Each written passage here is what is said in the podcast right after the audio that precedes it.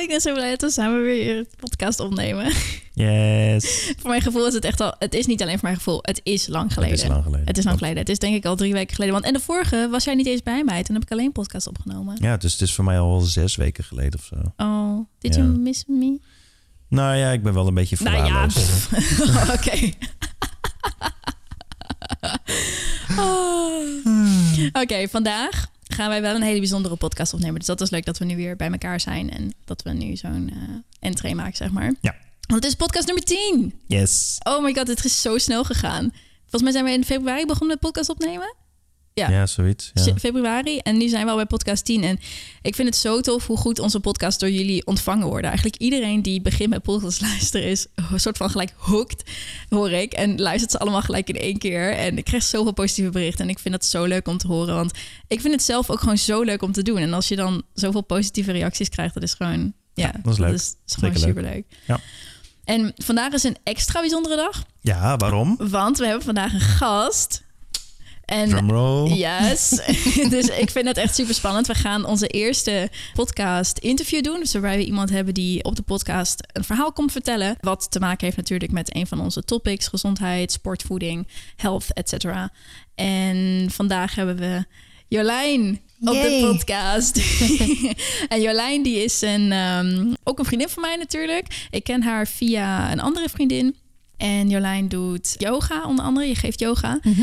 En je komt vandaag met ons praten over hoe yoga gezien wordt. Mhm. En ook of dat eigenlijk echt is hoe yoga is. Want jij weet het natuurlijk. Ja. Maar daar komen we straks op. Je mag eh, jezelf natuurlijk ook even voorstellen. Nou, hartstikke leuk. Sowieso super leuk om hier te zijn met jullie. Dus dank je wel daarvoor. Ja, graag gedaan. Heel leuk om te praten over, eh, nou, sowieso over yoga, maar ook alle vooroordelen die er zijn. Dat zijn er nogal wat. En ehm, hoe zonde dat eigenlijk is. Want ze zijn, eh, nou, zijn niet voor niets vooroordelen. Mhm. Het is helemaal niet waar. Ja. Maar denk je dat Maar er gaan we ware voordelen dan zijn over yoga? Hm, ja, er zit wel een kern van waarheid in, maar het is meer hoe je ze bekijkt. Ja. Gaan we het zo het over hebben. Ja, gaan we ja, wat je perspectief is Ja. daarop. Oké. Ja. Nou, ik ben heel benieuwd. Maar goed, dat gaan we vandaag even onder de loep nemen. Yes. We, hebben een, we hebben een aantal stellingen. Ik heb ook een aantal persoonlijke vragen waarvan ik echt denk van... oeh, dit heb ik altijd Mhm. alles willen weten. En nu heb ik de kans om het te vragen, zeg maar. maar ehm, ik ben eigenlijk wel benieuwd. En ik denk onze luisteraars ook, want ze kennen natuurlijk ons een beetje. Ze kennen jou Mhm. nog niet zo heel goed. Wie ben jij, zeg maar? Wat, wat Mhm. doe je met yoga? Wat is jouw... Ja, wat is jouw connectie met yoga? Ehm, nou, ja, mijn naam is Jolijn. Ik geef nu iets meer dan een jaar les zelf, echt actief les. En ik heb mijn eh, 200 uurs eh, yoga teacher training afgerond eh, vorig jaar mei. En daarvoor deed ik eigenlijk zelf al wel zo'n vier, vijf jaar aan yoga. Dus eigenlijk nog niet zo heel lang. Ik ben vijf, zes jaar geleden naar Groningen verhuisd. Hm. Daar hier eigenlijk in Groningen kreeg ik een buurmeisje wat aan yoga deed. Hm. En eh, via haar ben ik er mee in aanraking gekomen. Dus ja, even snel in de notendop. Aantal jaar zelf les genomen. Nog steeds natuurlijk. Ja. Bleek zo mijn passie dat ik graag eh, verdieping daarin wilde. En de opleiding heb gedaan. En nu zelf les geef. En het een beetje probeer door te geven. Oh, Ja. leuk. Ik vind het zo leuk. Ik wist helemaal niet dat jij pas vier jaar of vijf jaar yoga doet. Want ik, doe, Ja. echt al, ik doe echt al tien jaar yoga. En Ja. ik kan bijna niks. Maar... nee, dat is Dat oprecht. is ook maar net waar je Nee, focus ligt. nee, natuurlijk, ja, maar- oprecht. inderdaad. Ik denk dat mijn, mijn yoga mindset op zich wel goed is, zeg maar. Maar, Dat denk ik zeker. maar flexible, in de flexible way. Ik was zo niet lenig. Ik kwam zeg maar, als ik probeerde met mijn handen en mijn tenen aan te raken, kwam ik zeg maar tot ongeveer mijn scheenbeen. En nu kan ik in elk geval bijna mijn hele hand plat op de Oh, ik grond zelfs nog leggen. flexibeler. Ja, maar ik, ik bedoel, zonder yoga, where would I be? I mean, nou, niet met je hand op de grond in ieder geval. nee, ik bedoel, en niet met alle sporten. Waarschijnlijk kom ik tot mijn heup en dan is het zo, oké, hier stopt het. Ja, maar dat is het. Kijk, jij doet heel veel aan, aan, aan fitness en Ja, krachtsport. kracht, krachtsport. En daar krijg je natuurlijk sowieso kortere spieren van. Dus Ja. dat is natuurlijk heel normaal. Ja. Dat is de reden waarom ik ook tegen al mijn sporters zeg eigenlijk... die, die een, een vorm van programma bij mij volgen... dat ze eigenlijk altijd moeten stretchen en yoga moeten doen... Mhm. als compensatie voor alle krachttraining. Want anders dan word je op een gegeven moment zo... met alle spieren, zeg maar. ik, dus ik maak zo'n zo'n klein mannetje van Ja. mezelf, zeg maar, naar je toe getrokken. En, en ik bedoel, ik ken mannen in de sport... die gewoon hun ellebogen niet meer bij elkaar krijgen... Mhm. omdat hun borstspieren zo op spanning staan. Och, dat lijkt ja. me echt heel raar. Dat lijkt me ook niet prettig. Jij moet ook naar yoga. Word je zo'n T-Rex? Oh, nu al? Ja, precies. my god. Oh, wat Oké. een vooroordelen nu al, jongens. Ja, we zijn nu al bij de Dit voordelen. willen ze juist weg hebben. Oké, laten we er zo Nee, nee, meteen dit op is komen. positief voor yoga. Ja? Ja, Ah, nee, dat is, ja, voor yoga, dat is waar. Precies. Ja, Ja, is maar dan moet er een volgende podcast komen over alle vooroordelen over krachttraining. Ja, precies. Ja, dat is waar. Maar dit is wel waar. Dus, Ja, maar positief waar voor yoga. ja. Dus, Ja. Oké, voordat we zeg maar verder gaan. Wij willen eigenlijk iedereen die op onze podcast komt, omdat nou ja, een soort van speed meeting zeg maar Mhm. geven. Zo van, oké, hoe kunnen mensen jou snel leren kennen en snel een gevoel krijgen bij- van bij wie Jolijn eigenlijk is. Mhm. Dus we willen jou de vraag stellen om jezelf voor te stellen door middel van ons te vertellen wat eigenlijk een typische dag in het leven van Jolijn is. Dus hoe, hoe, wat, hoe sta je op? Wat doe je? Hoe, heb je een avondritueel? Wat eet je? Weet je, op die manier. Mhm. Kun je ons dat vertellen? Zeker. Nou is het zo dat ik net een paar weken ben gestart met het aanleren van een nieuw ochtendritueel. Waar ik nog niet iedere dag eh, erg in slaag. sommigen wel, sommigen niet. Maar dat Ja, is ook een beetje niet. het leven, denk ik. Ja, exact. Maar laat ik beginnen wel inderdaad met, eh, nou ja, dan eh, met, met zo'n dag. Wat ik tegenwoordig graag wil doen, of doe eigenlijk, is dat ik om zes uur 's ochtends opsta. Wow. Vrijwillig. Oh, die zag je Very, even niet Very aankomen. ambitious. Ja, ja. En eh, dat heeft meerdere redenen, maar onder andere omdat ik echt merk aan mezelf dat ik, ik heb heel drukke dagen, eigenlijk heel drukke weken over het algemeen. En dat ik dan heel weinig zelf aan mijn eigen yoga practice toekom. Hm. En zeker als docent is het natuurlijk wel heel belangrijk om te hebben. Dus dat is wat je, Dat- wat je in de ochtend doet, zeg maar. Nou, dat probeer ik. Ja, mijn werk gaat om zes uur. En dan stap ik uit bed. En als allereerste drink ik aan een groot glas water. Hm. Dan ga ik naar de badkamer. En dan zet ik de koude douche aan. Oh, no, no. En dat doe ik zeker al, al een jaar. Gewoon alleen koud. Ja, maar hoe koud? Hoe... Ja, hoe koud is koud? Gewoon, Ja, hoe- maar- zeg maar in de winter is die kouder dan in de zomer. Ja, oké. Oh, jullie kunnen mijn gezicht Gewoon- niet zien, maar ik heb mijn handen gewoon aan me. Aan me. Oh, wat erg. Ik heb vanmiddag bij Weet de sportschool ook weer koud Dat gedoucht. is zo het is wel lekker. Marit. Ja, maar ik kan, ik kan dat ook zeker na het sporten. Of als ik zeg maar eerst warm gedoucht heb en dan koud. Ja, Mhm. precies. maar gelijk ja. uit mijn... Oh, Ja. ik Nou ja, ik, ik doe dat echt al meer dan een jaar. Echt iedere ochtend alleen maar koud douchen. En het went. Het went echt. En ik vind het... Mijn, mijn lichaam registreert het niet meer als koud. Ik hoef niet meer... Ik krijg niet meer zeg maar die... Die Ja, ademteug, die rilling, die, ja, die schrik eigenlijk. Nee, Ja. het is voor relate. mij echt heel normaal. Dus nou, even lekker koud douchen. En even heel kort, ik hoef niet eens... Nou, dat is misschien nog niet eens een minuut soms. Mhm. Wat, wat ontbijt je 's morgens? Daar ben ik echt Ja. ik, ik- van het eten. Dus vertel me wat je eet. Nou, ik hou van havermout. Dus ik maak eigenlijk iedere ochtend lekker een ehm, pannetje met ja, havermoutpap. Met plantaardige melk. En dan ehm, gooi ik er eigenlijk van alles in wat ik in huis heb. Dus fruit, noten, rozijntjes, dadels, lijnzaad, chiazaad. Lekker. Alles, alles, alles, alles. Het wordt that. echt een Deze. feestje iedere ochtend. Lekker. Heel veel kaneel. En het maakt eigenlijk niet uit of het he- herfst eh, of zomer is. Mhm. Winter, altijd hetzelfde. Kopje koffie. Nou ja, dan probeer ik 's ochtends eventjes eh, minstens 10 minuutjes te mediteren. Ik heb een hond. eh, die wil natuurlijk ook graag naar buiten. Dus dat gaan we dan doen. En dan probeer ik twee ochtenden in de week echt van 7 tot 8 naar yoga te gaan. Mhm. En drie ochtenden minstens twee de sportschool te gaan. Want ik merk dat ik ook daar eigenlijk niet naartoe kom later op de dag of s avonds. Want s'avonds geef ik zelf vaak les. Ja, en dan begint eigenlijk gewoon mijn dag Begint met, eh, ja, met werken. Ja. Ik werk ook voor mezelf, werk zelfstandig. Dus ja, dan begint gewoon de dag met afspraken en mails. En jij, jij hebt een heel mooi, want ik vind het echt super leuk om het ochtendritueel van mensen te horen. Want ik heb het gevoel dat je altijd aan iemand die zeg maar positief en gebalanceerd in het leven staat, kun je heel erg veel afleiden aan ho- hoe zijn ochtendritueel is. Ja. Ja, je hebt mensen die, die staan s'morgens op en het is dan zo, shit, de wekker ging eh, te laat, eh, vijf minuten, ik heb, moet, heb vijf minuten om te Oh, ontbijten. ook En- hoor. Ja, ja. wel eens. Maar het klinkt alsof jij wel gewoon hebt nagedacht over hoe jij je ochtend wilt beginnen. En op een on a positive note, weet je. Mhm, En, Absoluut. En heel bewust. Ja, Ja. en heel bewust en, en, en relaxed. En Ja. Heb jij ook als je thuis komt, zo, want je hebt een heel echt een duidelijk begin van je dag. Heb je Mhm. ook als je thuis komt een duidelijk einde van je dag? Dat je zo van nu doe, doe ik de deur, dicht, kom ik binnen en dan is, gaat er een ander ritueel zeg maar in? Mm, nee, dat eigenlijk niet. Omdat mijn dagen zo onregelmatig zijn vanwege mijn zelfstandige werken en lesgeven in de avonden, maar ook niet iedere avond. En als ik dat doe, zijn het verschillende tijdstippen. Mhm. Dat niet zozeer. Wat ik wel eh toen probeer te doen, is wel rond een uur of tien in bed te liggen. Omdat je anders 's ochtends niet zo vroeg op kan staan. Mm, Ja. ja. precies. En wat voor mij echt Ga je heilig is. uur niet halen? Nee, nee. En ik, ik weet van mezelf, want ik heb wel echt veel slaap nodig. Dus dan eh, probeer ik toch zeker die acht uur te nemen. Hm. Wat voor mij wel heilig is, is mijn avondwandeling met de hond. Mhm. En dat vind ik zo lekker om nog eventjes voor het slapen gaan. eh, ja, toch een flink stukje nog te lopen. En ik vind het zo lekker om dan mensen een beetje naar binnen te kunnen kijken. Ja, leuk is dat, Ja, hè? dat is leuk. Dat is echt een guilty pleasure. Niet als creep of zo, maar omdat ik het dan Nee, zo nee. gezellig vind dat de lampjes en de kaarsjes aan zijn. Ja. Oh, leuk. en mensen lekker met elkaar op de bank zitten. En eh, Ja, Ja. leuk. Oh, dat klinkt van. echt heerlijk. ik neem altijd een kop thee mee naar bed. En dan eh, ga ik nog eventjes lezen. Oh, dat klinkt En dan heerlijk. slaap ik eh, Yes. Meestal. Ja. Yes. Oh, ik vind het heerlijk. Ik vind het superleuk om naar dit soort dingen te luisteren.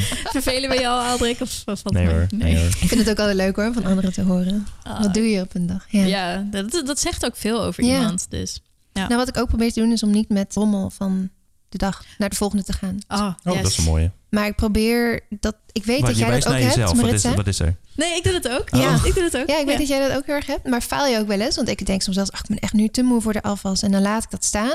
Maar dan baal ik daar zo van de volgende ochtend dat ik dan mijn keuken binnenkom en het is niet schoon. Ja, dat is een bende. Ik laat het wel eens staan, maar dat is dan wel een bewuste gedachte. Dus dan, Ja, dan denk ja. ik zo van oké, ik ga dan ook me er niet aan storen. Want ik weet dat ik dit Mm, Ja. nu laat staan. En dan doe ik het morgen als eerste. Dan zet ik bijvoorbeeld podcast. podcast. Ik kan heel goed afwassen met podcast. Dan zet ik podcast op en dan ga ik eerst afwassen. Goeie En tip. dan, en dan bedenk ik ook in mijn hoofd, oké, nu begint mijn dag. Want Ja. het is inderdaad wat jij ook hebt. Ik hou er niet van om mijn dag te beginnen met rommel van de vorige dag. Dus dan plan Nee. ik soort van een stukje extra in de ochtend. En zeg dan tegen mezelf, oké, dan begint mijn dag. Maar ik heb liever dat het de avond van tevoren inderdaad al schoon is. Mhm. Ja. Hele goede tip. Maar we gaan een, over een tijdje een podcast opnemen over productiviteit. En ik denk dat daar nog heel veel over ochtendrituelen en zo in Ja, voor zeker. gaat komen. Oké, maar vandaag gaan we het natuurlijk hebben over yoga. Mhm. En je had al verteld dat je natuurlijk naar Groningen was gekomen en Ja. over dat je toen met yoga in aanraking bent gekomen. Wat was voor jou het moment? Want ik doe bijvoorbeeld al tien jaar yoga en ik heb dat nooit gehad. Het idee van oké, ik wil eigenlijk wel een yogaopleiding gaan doen, maar jij wel. Dus wat was Mhm. voor jou de gedachte waardoor jij dacht oké, ik wil de yogaopleiding wel gaan doen? Ja, goede vraag. Misschien, maar ja, zo, zo werkte dat voor mij. Omdat ik dus nog niet zo heel lang geleden, nou ja, vijf jaar of zo geleden in aanraking kwam met yoga. En er voor mij zo'n wereld open ging van oké, dit is dus wat het met je doet, met je lichaam, met je hoofd. Ik voelde me er zo goed bij, zoveel beter. En na een aantal jaar zelf les te hebben genomen, vond ik het echt wel, ja, ik zou dat heel graag door willen geven aan anderen. Dus dat was eigenlijk mijn grootste drijfveer achter de opleiding doen. En ik ehm, kom al jaren bij Open Yoga in Groningen. En zij houden daar ook de opleiding. Of ja, hoe zeg je dat? Ja. Zij geven daar de opleidingen. Ze geven dat zelf. En onder andere met docenten uit LA, Amerika. Hm. Ja, omdat ik daar eigenlijk al zo lang yoga deed. En ze daar ook de opleiding houden, geven. was het een logische stap voor mij om dat daar ook te gaan doen. Ja, dus, eh, Het ja. voelde ook gewoon goed, zeg maar. Ja, absoluut. Ik ken Ja. ook heel veel mensen die de opleiding heeft gedaan daar en ook docent zijn. En ja, ik weet niet, je groeit daar een beetje in of zo natuurlijk. Ja, ik vind Open Yoga... Open Yoga is ook die studio waar ik zelf yoga volg... en waar Aldrik en ik ook een keertje Ja. de hot yoga gevolgd hebben. Ja, was leuk. En heb, ervaar jij dat ook zo, dat het gewoon een hele positieve studio is, zeg maar? Ja, Dat is ook de sfeer ja, nog goed. Ja, gewoon, ik toch? ben er één keer geweest, Hmm. maar ik, ja, Want dat was het wel. Ik, ik heb altijd dat ik op zoek ben in een yoga studio. Ik heb namelijk heel veel verschillende plekken in de Groningen al yoga gedaan. En ik heb vaak dat, tuurlijk, de docent moet, je moet klikken met de docent, dat is heel belangrijk. Ja. Maar ik moet ook altijd een beetje klikken met de ruimte en met Ja, de sfeer en De zo. energie. Ja, Mhm. en ik heb dat met sport en een sportschool minder. Omdat ik zeg maar, ja, ik weet niet waarom, maar dan ben ik daar om te knallen en ik vind alle ja, sportscholen je leuk. hebt het Mhm. wel. Je hebt het wel met Ja, ik heb het wel een beetje, maar ik zou eh, zeg maar daar makkelijker concessies in kunnen doen dan bij Maar yoga. Mhm. Ja, bij yoga moet echt, mijn, daarom vind ik open yoga zo fijn. Het is gewoon, Maar Ja. omdat het ook meer gericht is op energie, zeg maar. denk het. Ja, Ja. zeker om echt in die mindspace te komen. Ja. Ja. Mhm.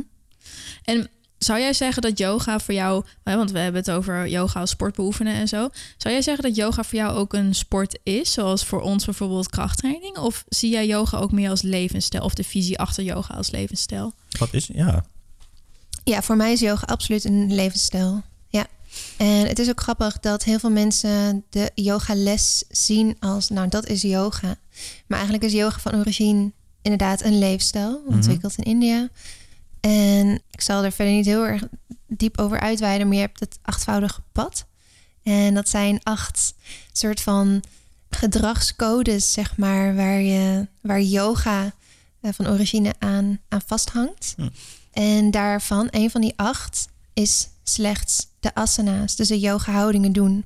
Een ander van die acht is pranayama, dus de ademhalingsoefeningen doen. Mhm. Dus yoga is eigenlijk al- alle acht van die dingen. En onder andere is dat ehm, geweldloosheid, eerlijkheid, verbinding met God. Op welke manier je dat dan ook Ja, spiritualiteit. wil doen, spiritualiteit. Nou ja, op die manier dus eigenlijk. Oh, dat vind ik echt mooi. Ik en daarvan zijn de yoga houdingen is dus maar één onderdeel Ja. van die acht. Ja. Ja. Ja. Hm.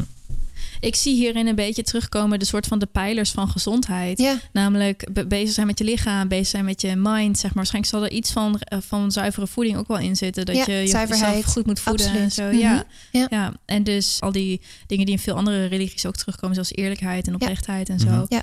Ja. ja, is een beetje tien geboden ook wel. ja, daar zit ik inderdaad ook aan te denken. Maar dan met, met, met dus de beweging er ook bij. Want de houding, alle houdingen in yoga hebben een reden. Ze bereiden je ergens op voor. Van origine zijn die houdingen ook ontwikkeld om vervolgens goed in, en lang in meditatie te kunnen zitten. Dus dat is ook het doel eigenlijk geweest vanuit vroeger van de yoga houdingen. Tegenwoordig gebruiken we ze vooral als ja, meer workout, zeg maar. ja. Dat je echt een uur lang of anderhalf uur zelfs ehm, ja, de houdingen doet. Ook om een reden natuurlijk, maar ook gewoon om lekker te bewegen. ja. Ja. Wat is de link van mediteren en yoga? Hoe bedoel je de link? Nou ja, je zei net zeg maar dat het eh, een soort van voorbereiding is voor meditatie. Ja, kijk, yoga is ontwikkeld vroeger, nou ja, ze zeggen zo'n 5000 jaar geleden, door. En dat is eigenlijk ook grappig. Dat is misschien meteen een linkje naar een volgend vooroordeel dat yoga niet voor mannen is. Oh, maar ja. het is, eh, ja, het is oorspronkelijk. Oh, nou sorry. Nee, het is oorspronkelijk ontwikkeld door mannen voor mannen. Ja? Omdat, nou ja, toen der tijd, zo'n 5000 jaar geleden, waren het eigenlijk alleen maar mannen, mannelijke filosofen, die eh, of geleerden die zich hiermee bezig hielden. Wauw, Ja, I love that. Ik vind het super cool dat het niks te maken heeft in die zin met beweging, maar dat het te maken heeft met mindset. ja absoluut. Want dat Ja. is denk ik wel een van de, de, niet de vooroordelen, maar een van de dingen van yoga die gewoon tegenwoordig best wel ondergaan. Omdat het Mm. in, Hmm. in het westerse gekomen is, zeg maar. En wij, Ja. veel mensen doen het als balans, eh, Mhm. hè, ter compensatie van een druk leven en dat soort dingen, dat wat goed is. Mhm. Maar yoga is voor mij en eh, volgens mij van origine mindset training Ja. in eerste instantie. ja, zeker. Door middel van je lichaam, door je lichaam te gebruiken, zeg maar. Door lichaam en ademhaling. Ja, En ja, het doel van meditatie was dus ook om dichter tot God te komen, dichter tot de natuur te komen. Ja, maar daar wordt het bidden natuurlijk makkelijker door. Ja. door. Oh. Ja. Makes sense. Wat denk je hoe het komt dan dat yoga nu zo'n anti-mannen-uitstraling afgeeft? Ja, waar is dat begonnen? Ja, waar dat begon, dat weet ik eigenlijk niet. Maar het is natuurlijk wel feit dat heel veel vrouwen yoga beoefenen, maar ook echt wel heel veel mannen. En Wat als is je de, dus... de percentage ongeveer? Ja, dat weet ik niet. Dat is ook heel erg afhankelijk per Studio. studio, Ja, per les Ja, zelfs. per, as- per vorm van yoga zelfs, denk ik. Vorm van yoga ook absoluut. En misschien ook wel eh, of een man of een vrouw de les geeft. Dat weet ik niet, niet echt. Maar Hm. ik kan me voorstellen dat als je een mannelijk docent hebt... dat mannen zich ook sneller aangesproken voelen om naar die les te komen. Kan ik me ook wel voorstellen. Maar ja, weet je, ik, het yoga is voor mensen. Ja. Ja, Ja. Oh, zowel mannen that. en Yoga is vrouwen. voor mensen. Ja. Ja, maar dat is, ja, dat is zo. En ik moet even denken aan een yogales die ik nu zag op het rooster van Open Yoga. Dat zij yin en yang yoga geven in één. Ik heb Mhm. één keer een soort van proefles daarvan gevolgd. En dan merk je inderdaad, yin en yang staat natuurlijk voor man en vrouw. Voor, in die zin, maar ook Mhm. voor, voor rustig, voor krachtig, Mhm. voor passief en actief, zeg maar, die tegenoverstellingen, zon en maan, koud en warm. En dat merk je ook in de yoga vormen, namelijk dat de yin yoga is rustig en eh, wat, wat meer flowing en wat Mhm. terughoudend, zeg maar. Terwijl de yang yoga is heel actief en, Ja. en je krijgt het warmer en je- Ja. de houdingen zijn wat krachtiger, zeg maar. Ja, dat, dan denk ik ook altijd, ik, ik voel me aan de hand van wat ze zeggen in de Chinese. Ik heb een boek over Chinese eh, geneeskunde, waar dat ook heel veel voorkomt, uh, gelezen. Dat iedereen heeft beide in zich, de mannelijke en de vrouwelijke kant. Ja. En afhankelijk van hoe, wat je in je leven doet en welke fase je zit, is de ene kant sterker dan de ander. Mhm. En om je goed te voelen, moeten die beide in balans zijn. En middels yoga kun je dat dus een beetje, bijvoorbeeld, kun je dat ja, weer sturen, kun je het een beetje uitleven, zeg maar. Ja. En aan de hand van wat je nodig hebt, is het bijvoorbeeld handig om een meer actieve vorm van yoga te doen. Of Mhm. als je juist heel erg in je werk heel erg mannelijk bent, bijvoorbeeld. Dus je hebt misschien een, een baan in een hoge functie en je moet heel veel eigen, je moet heel veel beslissingen nemen en je moet heel veel daadkrachtig zijn. Dat zijn eigenlijk, Mhm. zeg maar, in de Chinese leer mannelijke kenmerken. Mhm. Dan kun je heel veel baat hebben bij yin yoga, gewoon om dat Ja, weer juist. uit te balanceren. Oh, zeg ja. Ja. absoluut. Ja. En voor Ja. mannen precies andersom. Dus mannen zouden misschien juist heel erg baat hebben bij yin yoga.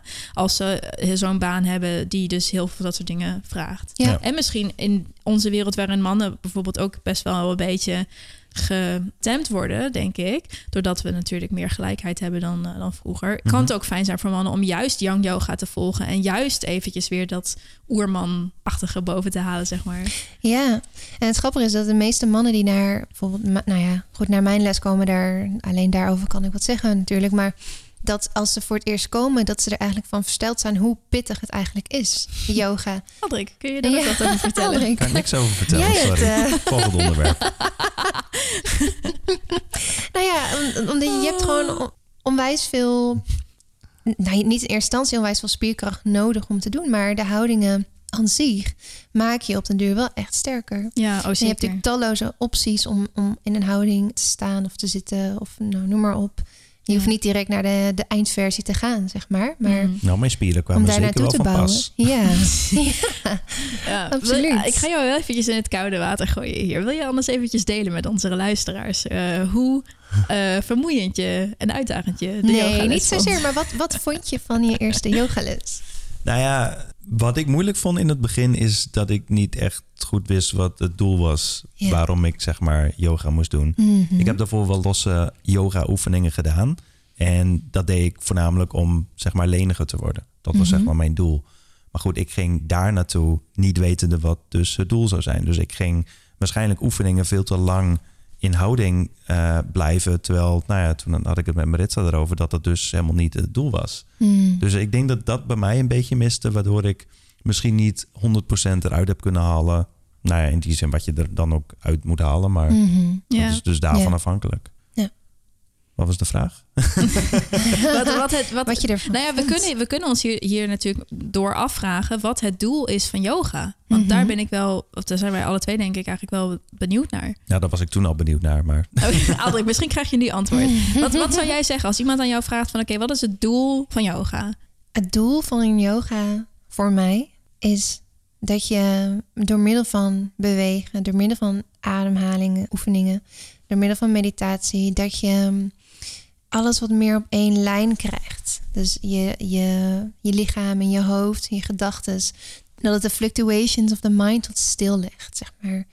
En je kan natuurlijk niet helemaal gedachteloos zijn. Dat is nou eenmaal wat het brein doet, denken. Maar je kan er wel meer controle over uitoefenen. Dat je dus, ja, klinkt voor mij als een Je vorm bent- van meditatie. je bent je denken niet. En dat is inderdaad een vorm van meditatie. Maar yoga is eigenlijk ook gewoon een vorm van bewegende meditatie. Ja, precies. Want ja. doordat je jezelf in houdingen zet, moet je focussen op nou ja, die houding doen. Maar ook focussen op je ademhaling. Want dat is een hele mooie graadmeter voor hoe jij de houding doet. Of die goed is voor jou. Want vaak is het zo dat als je echt focus hebt op je ademhaling. Dan zul je opmerken dat die in bepaalde houdingen dat die opeens stagneert bijvoorbeeld. En dan kun je Ah. jezelf afvragen van waarom stagneert? Doe ik te hard mijn best op dit moment? Of ga ik te ver door in de stretch op dit moment?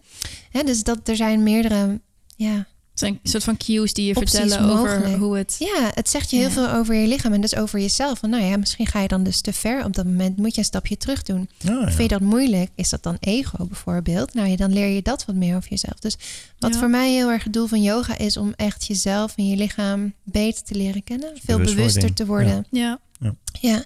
En het doel is dus helemaal niet om leniger te worden bijvoorbeeld. Nee, oké, duidelijk.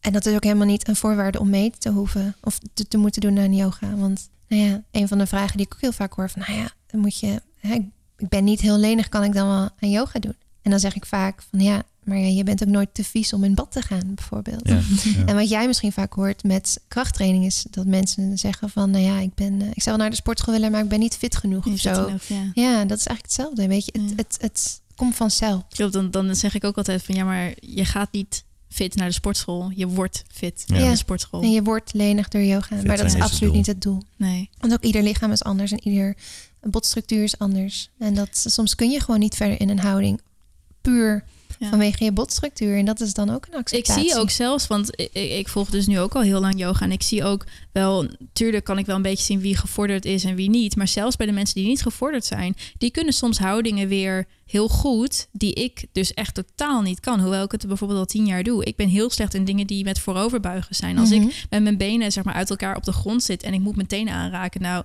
dan lijkt het alsof ik de, de opdracht niet gehoord heb, omdat ik zeg maar niet dichterbij kan. En dan moet zijn er mensen die kunnen helemaal, zeg maar, helemaal Ja. voorover buigen. En terwijl ze verder helemaal niks kunnen. Dus dat zegt zoveel over dat het totaal Mm. niet te maken heeft met, Nee. met hoe je erin gaat, zeg maar. Nee, nee. En het gaat ook niet om scoren in yoga. En we kennen allemaal dat stemmetje wel van... oh, maar hij of zij kan het beter dan ik. Of ik ben niet goed genoeg. En waarom kan hij of zij dat wel en ik niet? En dat zit natuurlijk ook heel erg in het... Ja. Niet alleen in yoga, maar natuurlijk ook gewoon in het dagelijks leven. Ja.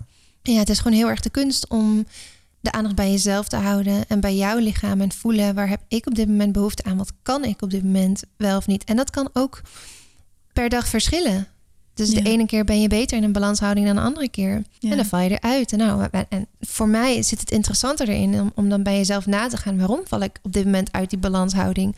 Terwijl ik hem de andere keren wel goed kan.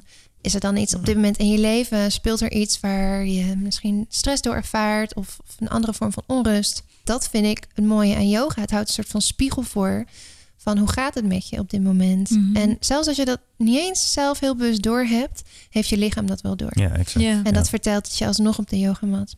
Dus voor mij is yoga op de mat ook een hele mooie weerspiegeling of afspiegeling van yoga buiten de mat in mijn dagelijks leven. Ja, en dus daar komt dat terug als levensstijl, zeg Ja. maar. Ja. Ja, dat en een van die acht limps, zeg maar, waar we het net over hadden, onder andere is ook geweldloosheid.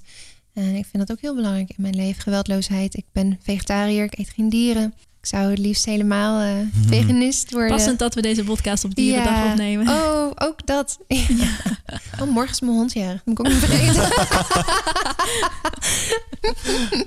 Oh. Maar goed, ja, op die manier. Kijk, en ik ben ook de- echt alles behalve perfect erin. Ik bedoel, wat, wat ik dus ook mooi vind aan yoga... is dat je je hele leven lang kunt leren. En het gaat niet om perfectie, toch? Absoluut niet. Nee. Het gaat ook om, om acceptatie. Ja. En eh, Ik, ik, wat ik een hele mooie leer vond aan yoga, en ik moet zeggen dat ik dat echt ook al ook pas heel laat in mijn yoga, tussen aanhalingstekens carrière heb geleerd, is de saying: learn to be comfortable in the uncomfortable. Ja. Dus dat je leert uithouden als iets niet prettig is. En Ja. in, ons dagelijks leven hebben we dat soort momenten natuurlijk als we verdrietig zijn, als we onder stress staan, als we boos zijn, als we mhm. druk ervaren, allemaal dat soort dingen. Mhm. En het is heel makkelijk om, om je daardoor laten, te laten meeslepen, zeg maar. Ik denk Mhm. dan altijd aan de zee, die natuurlijk heel ruig is. En je kunt een, een kiezelsteentje zijn wat heen en weer ges- geschud wordt door het water. En wat Mhm. helemaal, zeg maar, zijn draai kwijtraakt. Of je kunt zeewier zijn, wat gewoon rustig meebeweegt, Mhm. weet je. En Ja. het, het, het is niet dat het er niet is. Het is niet dat je een, een rots moet zijn, die ook helemaal verstart is, zeg maar, Nee. in, in zee.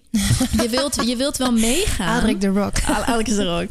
Maar Je wilt, je wilt wel meegaan, zeg maar. Maar je wilt ook niet dat het je helemaal ondersteboven Nee. schudt, zeg maar. Dus daar denk ik altijd aan als ik yoga doe. En ik, ik doe dat ook in alle andere trainingen die ik doe. Als ik op het punt kom waarin ik, waarop ik denk...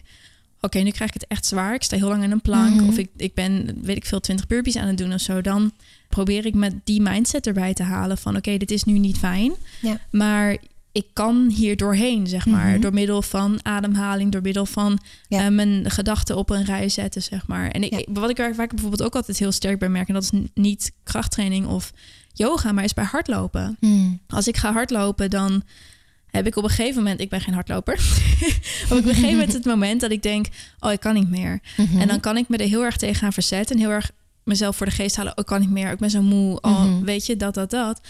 Maar ik kan ook zeggen van... oké, het is nu even zwaar, maar je kunt het. En Je lijf kan het Ja, wel. en je kunt het. Mhm. En, en ga gewoon mee. En dan zul je zien dat het wel gaat. Op het moment dat je zo tegen jezelf gaat praten... Ja. kun je het ook.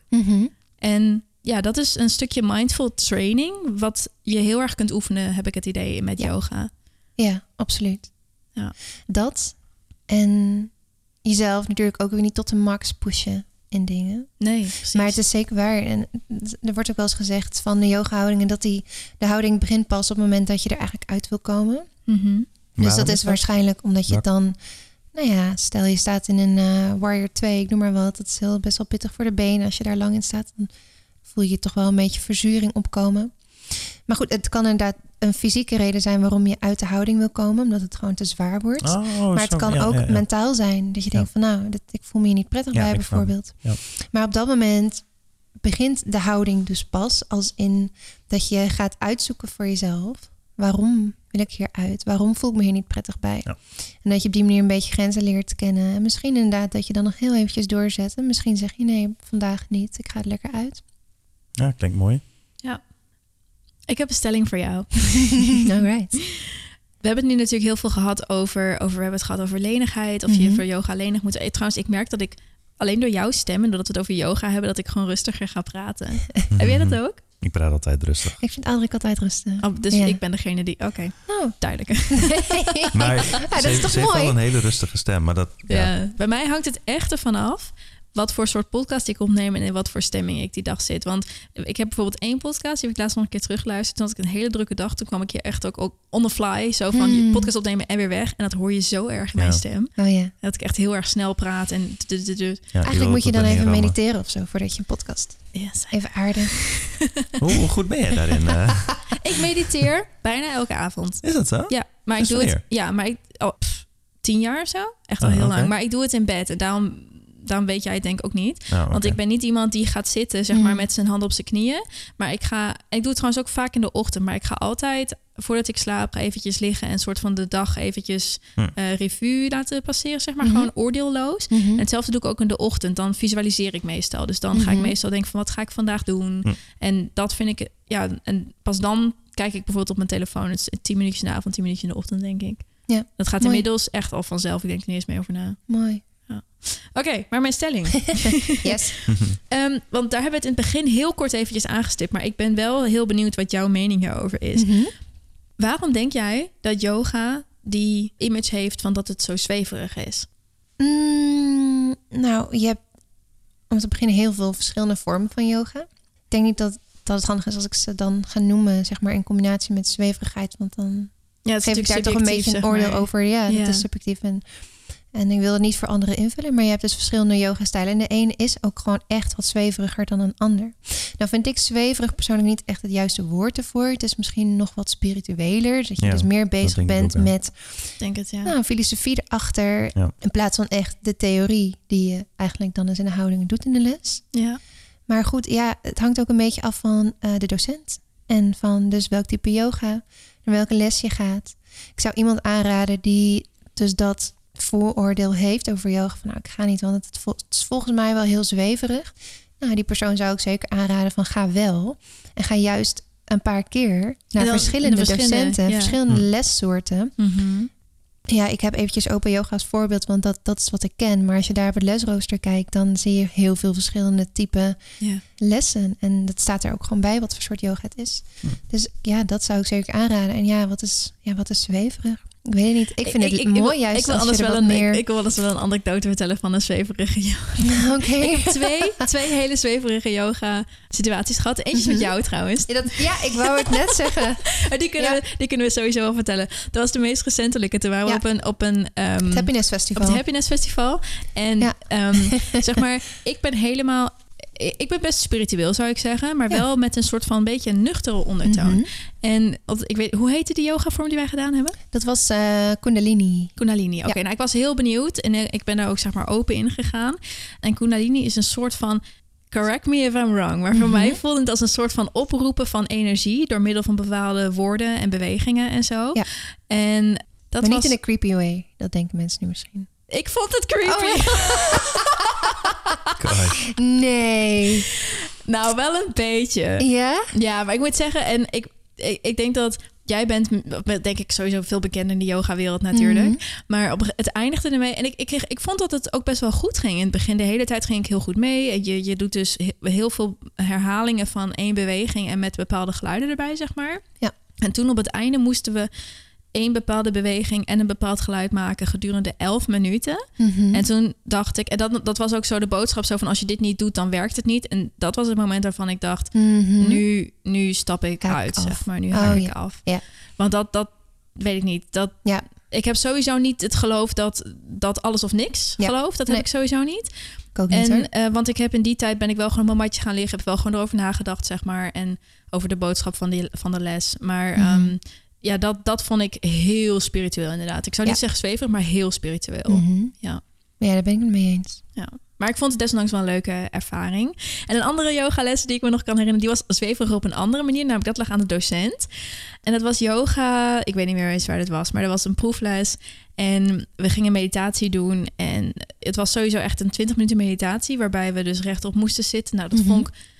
Dat is best vermoeiend. Dat is heel lang. Probeer maar eens eventjes eh, Ja. de- 20 minuten in een kleermaker zitten zitten. Holy shit. Mhm. En toen begon het met van dat we je moest hè, yoga meditatie je gaat eerst voelen zo van oké eerst ben je nog een beetje in de in het hier en nu dus wat hoor je om je heen je hoort misschien nog een auto langs rijden die hoort mensen ademen en dan ga je steeds verder naar binnen zeg maar Ja. ga je naar je ademhaling op een gegeven moment dat vond ik ook allemaal nog prima is allemaal nog normaal en dat doe je bij andere yoga ook en toen begon ze op een gegeven moment met Misschien voel je je hart kloppen. Dacht ik, oh ja, ik voel mijn hart kloppen. Ik voel mijn Mhm. longen bewegen, zeg maar. En toen ging ze naar, misschien kun je je haar voelen en je huid. En toen dacht ik, ik voel mijn huid niet. Ik weet niet hoe het bij jou is, maar dat was gewoon. Ik, sorry, misschien open vraag aan jullie twee. Voelen jullie je huid? Voel je je huid zitten, zeg maar? Mm. Ik, ik kan het wel voelen als in dat het trekt of zo. Ja, tuurlijk. Ja, en ik, je kunt het voelen als ik jou aanraak. Maar voel nee, nee, jij? nee, nee, nee, nee, maar gewoon, Sensaties. ja, ook dat. Ja. Maar ik- misschien dat dat ook wel mee bedoeld wordt, maar Eh, Ik heb geen idee. Het werd, het, dat was het. Ik dacht, nee. ik voel het niet. I don't feel it. maar dat was verder ook prima. Want Ik heb nooit een slechte yoga-ervaring gemaakt. Het is altijd meer een soort van aftasten van... in welke yoga wil ik me bewegen? Mhm. Dat is het Mhm. meer. Maar ik heb helemaal geen enkele ervaring gemaakt... waarvan ik zeg, dat zou ik nooit meer doen. Nee. Nee, ik denk ook niet dat er echt iets is, iets is als eh, zoiets is als slechte yoga of zo. Ik denk wel dat, een, dat het slecht is als bijvoorbeeld een docent zegt van nou, eh, het is inderdaad alles of niets. ja. Dus als je dit niet doet, dan werkt het niet. Ja. Daar geloof ik ook niet in. Ja. Het is eh, juist goed als je luistert naar je lichaam en naar jezelf. En als je denkt van nou, hier, dit, hier voel ik me gewoon niet comfortabel bij. Heeft dat nou inderdaad zo'n soort mantra, want dat was het, met handbewegingen doen. Eh, als je daar niet comfortabel bij voelt, dan moet je het ook gewoon zeker niet doen. Ja. Dat is ook yoga. Ik vind het dus belangrijk dat er in mijn les altijd ruimte is voor daarin een eigen keuze maken. En mensen hoeven echt niet te doen wat ik zeg, per se, op dat moment. Ik vind dat wel mooi inderdaad. De docenten waar ik het liefste heen ga, dat ben jij en dat zijn nog een paar anderen inderdaad. Ja, jij geeft vaak les op de tijd dat ik niet kan, maar ik heb, vind jouw yoga wel heel prettig. En ook nog wel een paar anderen die juist inderdaad zeggen van je mag afwijken als je het beter voelt. zeker. Bijvoorbeeld ook bij die eindhouding waarbij Mhm. je dan plat op de grond gaat liggen en dan altijd het idee is dat je je handpalmen opent, zodat je kunt ontvangen. Mhm. En ik heb Ja. een keer een yogadocenten gehad die zei: je mag ze ook gesloten houden, want ik geloof en dat is ook het de geloof soort van hè, met het Mhm. universum zit in jou. Je hebt alles al in je, dus je je hoeft, je hoeft niet Ja. per se te ontvangen. Heel mooi. Je mag als je wilt, maar weet ook dat je kunt denken dat alles in jou zit. En toen dacht Ja. ik: oh, ik leg namelijk altijd liever mijn handen plat. Mhm. Weet niet waarom, het is gewoon een gevoel. En dat is daardoor de voelde ik. nu. Ja, maar daardoor voelde ik dat dat oké was en dat. Dat mocht. Dus je mag gewoon afwijken. Absoluut. Ja. Zeker net in die eindontspanning. Ik zeg ook vaak tegen mensen van nou, als je liever zit of op je rug of op je buik wil liggen bedoel ik, of op je zij. De bedoeling is dat je hier en nu kunt ontspannen. Dus doe vooral Ja. wat jij op dit moment nodig hebt om te ontspannen. Ja. Nou ja. En sommigen gaan dan lekker op hun buik liggen bijvoorbeeld. Dat is Hmm. prima. Leuk. Ja. Oké, ik heb nog een vraag. Mhm. Want ik denk dat veel van onze luisteraars... Ik heb eigenlijk geen idee, dus ik zal een keer een, even een poll doen... hoeveel mensen überhaupt ervaring hebben met yoga. Maar veel van onze luisteraars, I'm judging... dat ze vooral fitness doen. Mhm. En ik denk dat yoga een hele goede toevoeging kan zijn... aan iemand die fitness doet. We hebben het natuurlijk al eventjes kort over gehad. Ja. Maar stel dat we nu luisteraars hebben die dus weten van... oké, ik doe veel fitness, ik doe misschien veel cardio. Ja. Wat zou jou zeggen aan die luisteraars? Wat kan eh, yoga voor toevoeging vormen voor hen? Voor mensen die veel aan fitness en krachttraining doen. Ja. Nou, wat je met krachttraining vooral doet, is je traint op een, een veel meer geïsoleerde manier je spieren. Dus je hebt veel meer inderdaad Nou, dat is, ik weet dat dat niet de manier is waarop jij traint, Maritza. Maar ja, er zijn, ja, over het Ik wel, algemeen waarschijnlijk. Ja, bedoel, je doet, o- ja, je doet of squats, of je, of, Ja. je, of je traint je biceps, of je traint je buikspieren, zeg maar, allemaal afzonderlijk van elkaar. Dat is prima. Maar wat je met yoga doet, is je traint veel meer de onderliggende spiertjes. ook spieren, alle diepere ja. spieren. Ja. En yoga gaat ook heel erg om mobiliteit. Niet, niet alleen maar lenigheid bijvoorbeeld, maar ook heel erg om mobiliteit. En Ja, misschien moeten we er even bij zeggen wat mobiliteit betekent in deze zin. ja, Het betekent dat je spieren nog bewegelijk zijn. Ja. En dat je. Het, het kan heel erg helpen met eh, blessurepreventie. absoluut. Want als je spieren bewegelijk zijn en in veel verschillende houdingen, zeg maar, niet onder spanning komen te staan, onder onnodige spanning, Mhm. dan betekent het ook dat ze minder snel beschadigd raken. Dus ja, Ja. voor mensen Dat heb ik die. in het eh, begin wel veel gedaan trouwens. ja, voor mensen die naar, Voordat ik, naar eh, blessures neigen, is het heel eh, goed. Ja. Om Nou, voordat ik ging sporten, toen Ja. heb ik vooral veel mobiliteitstraining nog gedaan. Gewoon hier thuis, zeg maar, op, Ja. op een Ja. matje. Ja, dat kun je. Dat is inderdaad ook gewoon een soort van training aan zich. Je kan inderdaad dat soort oefeningen doen. Ja. Ja, maar bijvoorbeeld heel, heel praktisch. Mensen die graag eh, squatten bijvoorbeeld en hun squat willen verbeteren.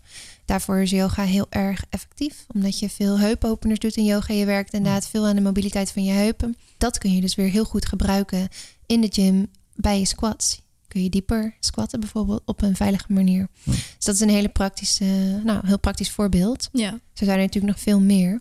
Maar ik denk dat het elkaar vooral heel goed aanvult. Ik denk dat mensen die alleen maar yoga doen, dat die ook heel goed juist wel krachttraining erbij kunnen doen. want dan word je ook sterker. Je weer wordt door. sterker. Ja. Wat je met yoga doet is heel veel de push-actie, zeg maar. Je doet veel push-up bewegingen. En wat je niet doet, zijn de pull-bewegingen. Hm. Dus die zou je bijvoorbeeld in de gym weer heel erg goed kunnen trainen daarbij. Om daarin gewoon nog beter, nog allrounder Het aanpakken. eh, aan te pakken. Dus zo ja, kan het elkaar heel erg versterken. Ik zou absoluut beide aanraden. Ja. Ja. Mijn advies aan, aan sporters is ook altijd, vooral aan vrouwen. Ik heb het gevoel dat yoga doet inderdaad heel veel voor je core, dus vooral je Ja. bovenlichaam. En mijn advies aan vrouwen die niet te gespierd willen worden, is altijd doe naast de krachttraining, voornamelijk voor je rug, bijvoorbeeld yoga. Want Mhm. daar krijg je wel een slanke, Ja. als in gevormde rug van. En je ziet de kleine spiertjes, maar je krijgt niet zulke dikke rugspieren. Want Nee. dat is juist wat vrouwen niet willen, want dat maakt je, laat je wat Bulky, zeg maar. mannelijker Ja. ogen. Ja, mannen willen dat juist graag. Die willen van die grote spieren hebben en die, Ja. die streep in het midden zeg maar, van hun rug. En hè, echt de zijkant van die vleugels. En vrouwen vinden het juist vaak mooier om wel een beetje een sierlijke rug te hebben. Dus Ja, ik zeg altijd, laat die pull-ups, zeg maar, doe er niet te veel. Het is Mhm. goed om een paar te doen, maar doe er niet te veel. Ja. En, en allerlei andere zware dingen met je rug. Maar ga naar yoga. Doe handstands en planks en, Ja. en, en downward facing dog. En ja, Mhm. dat is gewoon ook al super voor je rug. En zorgt Je ook nog voor een goede houding. Ja. Ja, het zal je verbazen hoeveel spieren je gebruikt bij een balanshouding bijvoorbeeld. Mhm. Onwijs veel core. Ja, heb ik ook wel gemerkt Ja. toen. Had je spierpijn daarna eigenlijk, of niet? kan ik me niet meer herinneren. Ja. Nee, volgens mij niet. Je hebt wel, volgens mij ben je ongeveer twee liter vocht kwijtgeraakt in die training. Ja, het was echt zweet als een malle. Ja. Niet normaal. Maar het was wel even lekker, want normaal gesproken ga ik eigenlijk nooit echt tot het uiterste om zoveel te zweten. Dus Ja. Dit was echt de eerste keer Je ging naar de hot, dat hè, ik... met eh, yoga. ja, Krijg zweten. Ja. Ja. ja, wat je gewoon van yoga in zijn algemeenheid krijgt... is een betere lichaamshouding. En ik denk dat je dat altijd goed kunt gebruiken... maar Ja, ook in de sportschool, ook met Ja. krachttraining. Want je kunt juist, doordat je heel erg eenzijdig misschien sport... Mm. inderdaad een soort van... waar we het in het begin... een soort, soort onnatuurlijke direct- houding. Onnatuurlijke Ja, houding. Ja. onnatuurlijke houding. En, Ja. en- Ik wilde net vragen, de- kun jij zien aan iemand of die yoga doet? Als je hem in een sportschool ziet, of die bijvoorbeeld ook eh, van dat soort oefeningen wel doet. Misschien niet yoga, maar kun je aan die Mm, spieren en lichaamshouding zien dat hij wel daarmee Of hoe bezig is? flexibel diegene is. Of zo. Ja? Goeie vraag. Ben ik flexibel? Jij bent volgens man volgens mij best wel flexibel. ja, dat moet je niet. Dat moet- dat Sorry, dat een haar sorry, nu? sorry, sorry, sorry. Oké, ja, maar Jolijn Nou- heeft jou toch nog helemaal nooit zien sporten? Ik denk heel eerlijk Nee, maar gezegd, het ging ik toch let om de houding? Ja, ja, nou ja, ik let niet zo op andere mensen eigenlijk. de sportschool. Ik heb het gevoel dat ik wel kan zien Kan als... je het zien? Ja, ja, ja. Ja, nou ja, ja, ik let er misschien in die zin meer op. Maar Mhm. ik kan bijvoorbeeld wel zien als iemand een cardiotype is. Of als iemand... Mm. eh, Oh, ja? als iemand meer cardio Oh. doet. Dan heb je andere spieren dan wanneer iemand veel kracht doet. Ja. Ja, dat klopt wel. Ehm, en je ziet ook wel als iemand een meer flexibiliteitssporter is. Een danser bijvoorbeeld zie je Dat wel. zie ik ook Ja, in yoga. ja. Iemand Ja. die inderdaad een dans- of een turnachtergrond heeft. Ja, dat zie je heel zie je goed. absoluut. Ja. Of juist inderdaad wat eh, Ja. de fitnessachtergrond. Ja. Ik, ik kan wel. vaak wel een beetje schatten zeg maar, van de mannen die ik eh, tegenkom in de sportschool. Eh, of zij bijvoorbeeld aan het einde nog van dat, eh, nou ja, de soort van mobiliteitstrainingen zeg maar, Ja. gaan doen. Die hebben toch wel een klein beetje een ander lichaamsbouw. Hm. Dus vaak net even iets minder bulky en zo. En, Mhm. Maar waarschijnlijk Ja. wel bewegelijker. ja, ja, zeker. Ja. Ja. Ja, Wat is, wat is voor jou, wat, wat voor soort fysiek streef jij na en wat voor kunnen met je lichaam? Mm, Ja, ik vind op zich mobiel zijn vind ik wel belangrijk. Als in mobiliteit. Ja. Ik, ik heb het eigenlijk de laatste tijd niet zo heel veel meer gedaan. Maar ja, dit eh, doet me toch weer... eh, Incentive. Ja, ja, precies. Toch wel meer een om incentive, eh, Ja. inspiratie om toch wel weer iets meer daarmee bezig te zijn. Mhm. Want nou, wat ik net al vertelde, ik was er in het begin dus heel veel mee bezig. En eh, ja, er worden oefeningen wel makkelijker door. Ja. Dat is wel zo. En ook nou ja, de core, eh, wat natuurlijk super belangrijk is. Ik vind het Dus, echt super sexy als mannen yoga doen en fitnesstraining. Ja. Dat Maar dat ze het belang van beide inzien. Ja. En dat het niet alleen maar gaat. Dus, er is niks wat ik onaantrekkelijker vind dan iemand die een fit lichaam heeft, maar eigenlijk niet fit is. Want Mhm. veel mensen weten dit niet, maar de definitie van fitness betekent dat je en cardio kunt Ja, en kracht. En dat je redelijk flexibel bent. En niet Mhm. alleen maar één van die dingen. Veel Ja. mensen denken, oh, ik ben fit. Ik kan 180 kilo Squatten. squatten. ja dat is niet Dat fit. is niet Nee. fit. maar kan geen eh, kilometer Precies, maar kan hardlopen. geen kilometer hardlopen omdat je zo, zo zwaar bent geworden door Ja. alle spieren die je hebt. Ja. Ja. En hetzelfde En zo geldt. niet flexibel. Mhm. Precies, en hetzelfde geldt voor iemand die misschien twee uur kan hardlopen, maar die geen enkele kettlebell kan optillen. Mhm. Ja. Weet je, dat fitness is het allround, Ja. het holistische. Da- ook dat nog erbij, Ja. ook nog eens. Ja. Ja, Fitness is heel geïsoleerd wat dat betreft. Of in je? geval gewoon... Nou ja, de krachttraining. Ook de krachttraining. kracht, ja. ja, krachttraining inderdaad. Ja. Nee, ja. het, is, het is één deel van de triangle. ja, precies. Ja. Ja. Leuk, Ja. ik wist dat niet. Ja. Maar het makes sense. Het is precies, dat is precies de reden waarom ik toen op een gegeven moment mijn eigen vorm van training bedacht heb. Omdat ik dacht, oh, maar je moet toch ook die drie dingen in één kunnen doen. Ja. En zo Ja. is flexible training ontstaan. Wat, Wat is dus- holistisch training was. Of, Precies, het is, Ja. ja. het is een Ja. beetje holistisch trainen. Namelijk, het, is, het valt onder functionele training. Functioneel trainen is eh, hele natuurlijke bewegingen en dan Mhm. eventueel met meer gewicht, zeg Ja. maar. Mhm. Maar het is wel met een hoge hartslag. En het is dus af en toe met, wel met gewicht. Dus dat krachtaspect zit erin. Het cardio-aspect zit erin. Maar omdat de, de bewegingen complex zijn... en je spieren dus heel veel verschillende draairichtingen aan moeten kunnen... zit dat flexibiliteitsdeel er ook in. Mhm. En ik vind dat echt de, de ultieme manier om te trainen. I love it. Dus ja, ik en, dan, hoop... en dan ik hoop- yoga er nog bij. Dan, eh, ja, nou ja, kijk, dat doe ik natuurlijk. Dat is natuurlijk alleen flexibiliteit, maar dat doe ik dan omdat ik het gewoon leuk vind. Maar in principe zou ik met die ene vorm eigenlijk alles ook al kunnen targeten, zeg Ja. maar. Ja, vind jou wel een heel allround eh, nou, sporter. Weet niet. Ja. ja, dat probeer ik wel. Ja. Probeer ik wel, ja. Dat en dat inderdaad allemaal alle drie aan te pakken. Maar hardlopen vind je minder prettig. Ik vind hardlopen saai. Ah, Ja, daarom doe ik liever zeg maar cardio in de vorm van een circuit bijvoorbeeld. En dan Mhm. met verschillende cardio oefeningen. En soms vind ik hardlopen ook wel leuk, maar dan meestal in, in een wedstrijdsetting of zo. Ik weet niet. Ja. Groningen is ja, gewoon een beetje een, beetje saai. een duidelijk doel Ja. of zo dan wat dat betreft. Ja, en het is, Tenminste, het als is ik kijk leuker. naar hardlopen, vind ik het altijd leuker om kleine sprintjes te doen. Omdat dat kleine doel eh, Mhm. dingetjes heeft, Ja. Mhm. doelstellingen. mhm. eh, dan eh, echt die lange rit. Dat, Lange Ja. ritten. Ja, dat is gewoon saai. En de vier mijl dan, die is volgend weekend. Oh, dat niks voor jullie? Nee, ja, ik heb vorig jaar meegedaan. maar- Ja, hoe was dat? ja, was op zich wel leuk. Ja. Ja, ik had zelfs nog een weddenschap met mijn vrienden waar ik eh keihard heb verloren. Maar Oh, maar jij Ja? hebt ook niet getraind. Dus wat verwacht nee, je? klopt. Had je wel in één keer gerend? Ja, dat wel. Nou ja, Goed, nee, ik, ben, ik heb wel stilgestaan eh, een paar keer. Ja, Ah, ik vind het dat super cool dat je het gedaan hebt. Ik heb hem twee wel, jaar geleden maar- gerend, ook ongetraind. Dus, Ja? eh, ja. En toen eh dagen Nou, spierpijn gehad? Of? ja, ja, ja. dat was niet de verstandigste keuze van mijn leven. Nee. Oh.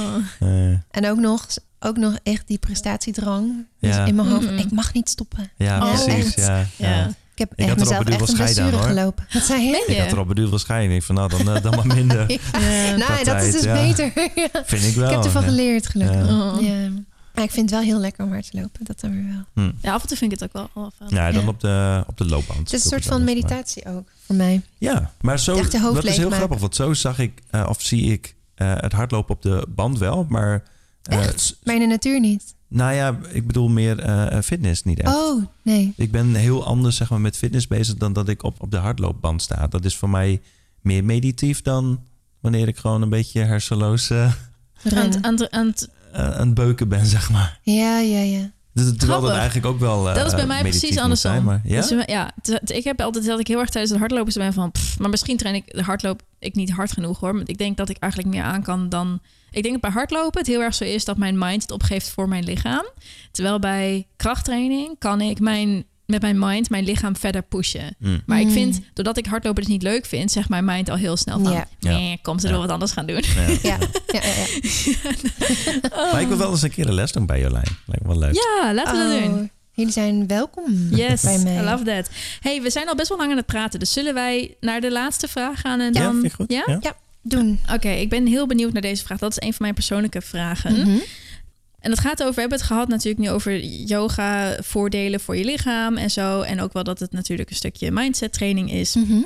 Ik heb altijd, als ik me een beetje down voel Mm. en ik ga naar yoga, en dat is de enige sport die, zeg maar, ook als ik klaar ben met sporten nog uitwerking heeft, Mhm. dat ik me beter voel als ik terugkom. Ook als ik normaal ga trainen in de sportschool, dan voel ik me terwijl ik aan het trainen ben, dan voel ik me goed. Maar zodra ik klaar ben, dan komt het wel weer een beetje terug. Mhm. Maar yoga is echt gewoon echt in staat om mij in een andere mindspace te brengen. En ik vroeg me af, Waarom? waarom is dat? Mooi. Mooi dat je dat zo ervaart. Ja, waarom is dat? Ik denk omdat je meer dan bij fitness in de sportschool bezig bent ook met de combinatie tussen ademhalen en bewegen. Mhm. En je ademhaling kan echt heel erg een brug slaan tussen ja, je lichaam en je geest. Om, daar, om die veel meer op één lijn te krijgen, zeg maar. Mhm. Ik denk dat jij met fitness minder mee bezig bent, maar dat weet ik niet. Want ik ben niet zo'n heel erg eh, eh, krachttrainer. Maar- Ja, je hebt wel, wel re- regels voor zeg maar, krachttraining met fitness. Maar Ja. het is niet zoals met yoga. Nee. Het is meer, je laat het wel iets meer op zijn beloop, zeg maar. Ik, ik ben eigenlijk niet meer heel bewust geweest toen met, met het ademhalen van yoga. Tenminste, ik kan me dat niet echt meer... Nee, maar jij was natuurlijk als eerste. Dat was jouw eerste keer, eerste ja. les. Dus- Ja, eerste en bij, bij hot yoga is een gevorderde, dus dan zegt ze het vaak niet meer. Nee, Ah, oké. Nou, en nu ik dit weet, ben ik dus nu wel benieuwd hoe ik er nu in ga. Want waarschijnlijk ga ik er nu Hmm. wel heel anders in. Ja, want ik weet dat ik ook wel redelijk bewust ben met ademhalen. Ja, misschien is het goed om eventjes voor de maar- luisteraars ook te vertellen hoe, hoe het dan is als ze naar een yogales gaan waar ademhaling dus een rol speelt. Hoe gaat dat dan, zeg maar? Ja. Wat is het idee? Nou, als je bijvoorbeeld, dan zou ik aanraden om bijvoorbeeld naar een beginnersles te gaan. Want daar wordt daar vaak nog heel veel aandacht aan besteed. En ook wat ik vaak doe, ja, wat ik vaak doe in mijn les is ik begin met een meditatie en ik begin met een ademhalingsoefening. Oh ja, ja. En daardoor kom je eigenlijk al een beetje ehm, niet zozeer tot jezelf, maar je komt al even opnieuw in die ruimte, zeg maar. Je Ja. kan even de dag, alles wat er is geweest, achter je laten. Op dat moment focus op je ademhaling, keer even bij jezelf naar binnen. Mhm. Dan heb je dat eigenlijk al, ja, gedaan niet. Zo wil ik het niet zeggen, maar het helpt wel. Beleefd. En het vervolgens, Ja. eh, Heb je die stap al gezet richting die meer- stap heb ja. je al gezet inderdaad. En dat kan helpen en vervolgens bij het doen van de houdingen. Mhm. Om daar lekkerder in te zitten, zeg maar. Meer in je, in je lichaam dan in je hoofd. Ja, Dus, de Dus- start van een flow. Dus Ja. dat, dat is denk jij ook de... Om even terug te komen op mijn beginvraag... waarom ik me dan dus goed voel... is omdat ik uit mijn hoofd kom... en meer met mijn lichaam bezig zijn... zeg maar door middel van mijn ademhaling. Ja, dat denk ik. Ja, maar het is het, is het geheel. hè. Het, is, het is inderdaad... Ja, ik vind het een mooie vraag. Ik vind hem ook lastig om te beantwoorden. Maar ik kan alleen maar mijn eigen ervaring daarin meenemen. Ja, ik denk gewoon dat... Kijk, zoveel processen in je lichaam gaan heel erg automatisch. Gelukkig maar. Daar hoeven we helemaal niet meer over na te denken. En juist even door heel erg bewust adem te halen... word je je eventjes bewust van dat proces, zeg maar. Mhm. En helpt dat heel erg om rustiger te worden. En ademhaling is zo'n ontzettend krachtige tool Mhm. in heel veel dingen, maar dat realiseren we ons niet zo, omdat het allemaal heel erg automatisch gaat. Dus ik, ja, ik vind het belangrijk om zeker aandacht bij die ademhaling te hebben in de les. Ja, en verder het doen van de yoga-houding. Alle yoga-houdingen hebben ook een doel. En ze doen weer iets anders in je lichaam. Ze, ze wekken bepaalde energie op. Misschien wordt het nu wat zweverig, maar Oh nee, dit, dit, kan, bijvoorbeeld- dit kan ik nog aan. dit kan je nog aan. Nee, je ik hebt- geloof wel in energie. Dat, ik voel wel veel dat soort dingen. Dus dat is... Ja, Heb je wel eens gehoord van chakra's? ja zeker. Ja. Ja, zeker. Chakra's, Nou dat ja, ken ik je- zelfs. Ja, Waar ken ik dat van dan? Waarschijnlijk ook van mij. Oh, ik heb kan. toch die chakra healing een keertje bij jou gedaan. Met die, voor de grap, die steentjes die ik op jou had gelegd. Oh, dat was kristallen. dat. Oh ja. ik was toen helemaal rein daarna. Nee. Dat was zo leuk. Ja, dat klopt. ik ga even de foto daarvan opzoeken. maar die wil ik wel zien. Het gewoon random steentjes had ik gewoon zo in zijn chakra. Alle kleuren ook, ja.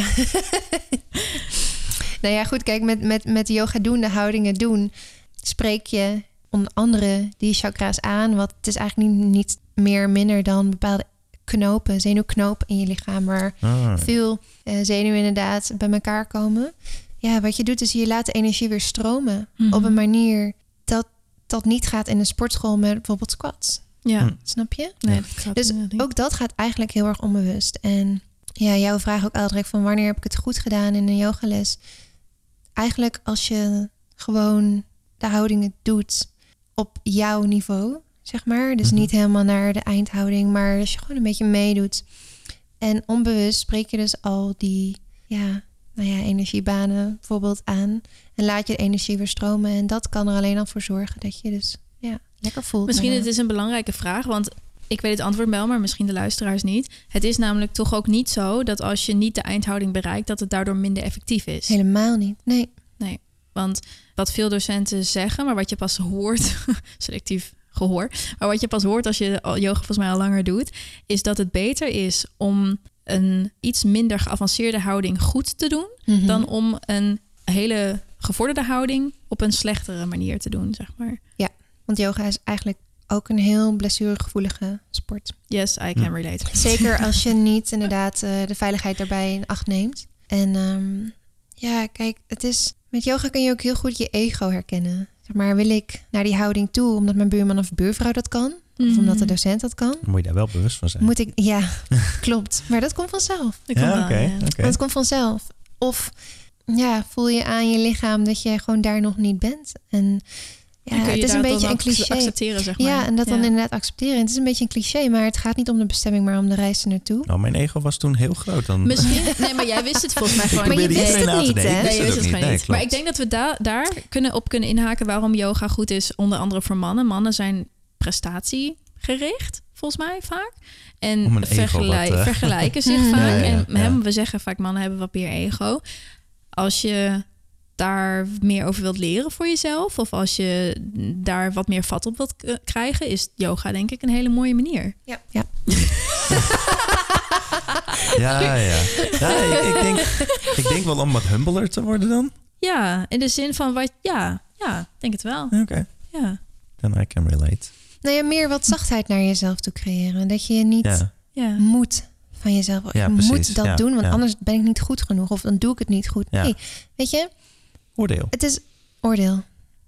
Het gaat echt om bewustwording van je lichaam, maar ook van je gedachten. Wat zeg je eigenlijk allemaal tegen jezelf in een houding als je het even moeilijk hebt? Zeg je dan van, oh, doorzetten, want anders ben je niet goed genoeg? Ah, ja. Of zeg je van, nou, ik moet het ook kunnen, want mijn buurvrouw kan dit. Ja. Of accepteer je van jezelf dat je gewoon daar nog niet bent op dit moment. Ik probeer heel erg mijn lichaam te laten spreken op zo'n moment.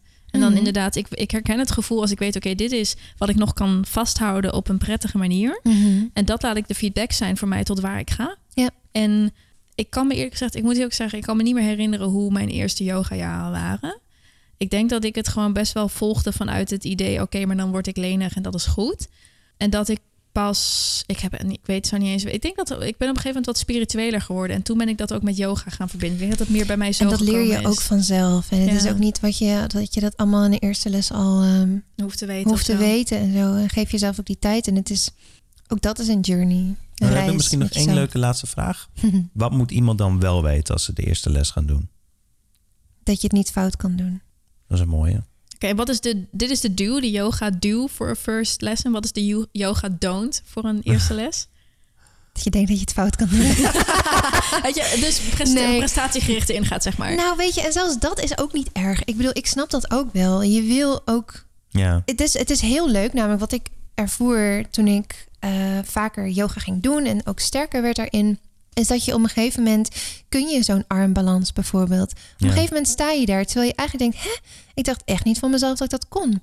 Ja. En ik heb ook mensen in de les die, die dan denken van, ah, nou, die is gek, dat kan ik echt niet. Maar als je ze dan er een beetje in meehelpt en doorheen praat, dan op een gegeven moment staan ze daar. En dat is zo mooi om te zien ook, dat ze zo dan zo ja, zichzelf Verbaasd over verrassen zichzelf zijn eigenlijk. eigenlijk. Ja. verbaasd zijn over hun eigen kunnen. En dat, kijk, ik weet niet of dat prestatiedrang is, maar het is echt wel heus oké om eh, dat ook te willen kunnen en Ja, daar precies, een beetje ja, naartoe te ja, werken. Dat is oké, ja. maar wees mindful daarin. Dus Ja. ga niet over je eigen grens heen. Dat is denk ik het belangrijkste. Ga niet over je eigen grens heen, want je kan je echt wel ook wel flink bezeren. Mhm. En ja, nogmaals, mijn les, ik kan alleen maar over mijn les spreken. Maar wat ik heel belangrijk vind, is om mensen heel veel opties aan te bieden. Je hebt bijvoorbeeld voor één houding heb je vier, vijf opties. En optie vijf is de eindhouding. Ja. Maar is het voor jou beter om bij optie 1 of 2 te blijven? Doe dat dan vooral. Weet Ja, je, dat ja. is heel erg goed juist. Ik ben dan super trots op iemand die, misschien nog trotser op iemand die echt op dat moment denkt, zegt en doet van nee, dit Ik is voor mij nu moet. genoeg. Ja, ja. Ik moet hier stoppen. Ja.